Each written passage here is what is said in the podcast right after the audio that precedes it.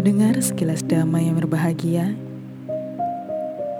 melihat armada berpanji di segala sisi, pasukan, Mara beserta tunggangannya, aku pergi ke medan perang. Semoga mereka tidak menggoyahkanku dari tempatku.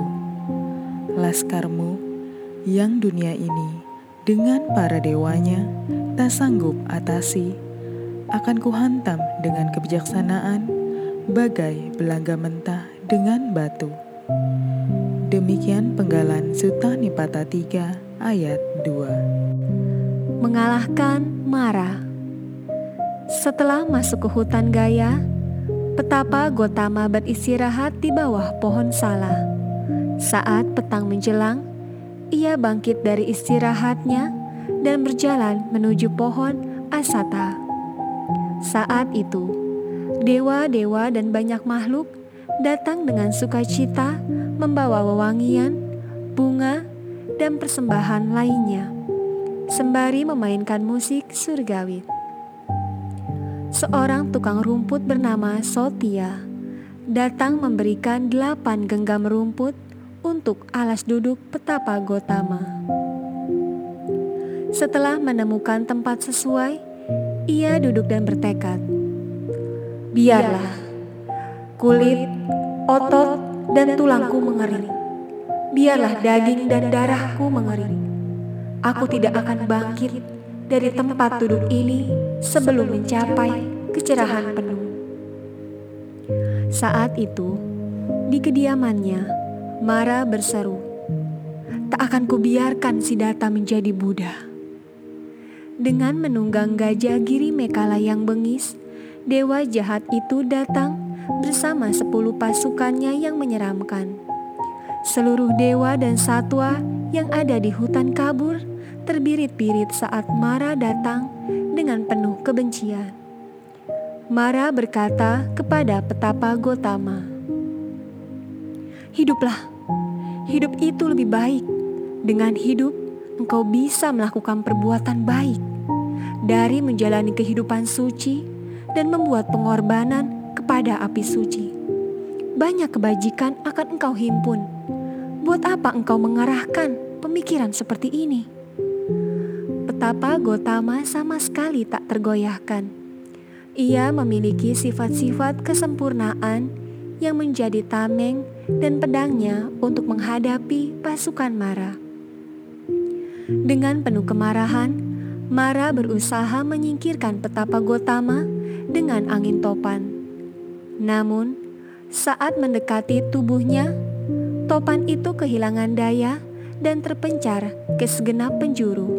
Sedikit pun tidak menggerakkan jubah petapa Gotama. Gagal dengan topannya, Mara menyerang petapa Gotama dengan hujan badai. Akan kubuat dia tenggelam, seru Mara.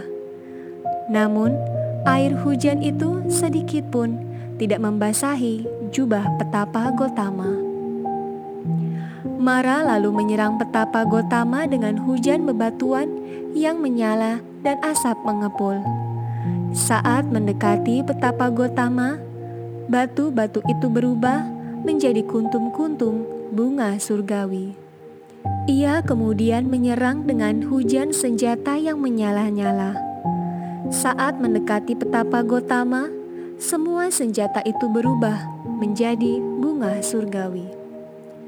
Setelah gagal, Mara kembali menyerang dengan hujan batu bara menyala. Namun, batu bara itu tercerai dan menjadi hujan bunga surgawi saat mendekati tubuh petapa Gotama. Mara lalu menyerang dengan abu panas yang menyala bagai api di angkasa. Namun, abu itu jatuh di kaki petapa Gotama bagai serbuk kayu cendana. Mara tetap menyerang. Ia menghujani petapa Gotama dengan pasir yang membara dan berasap.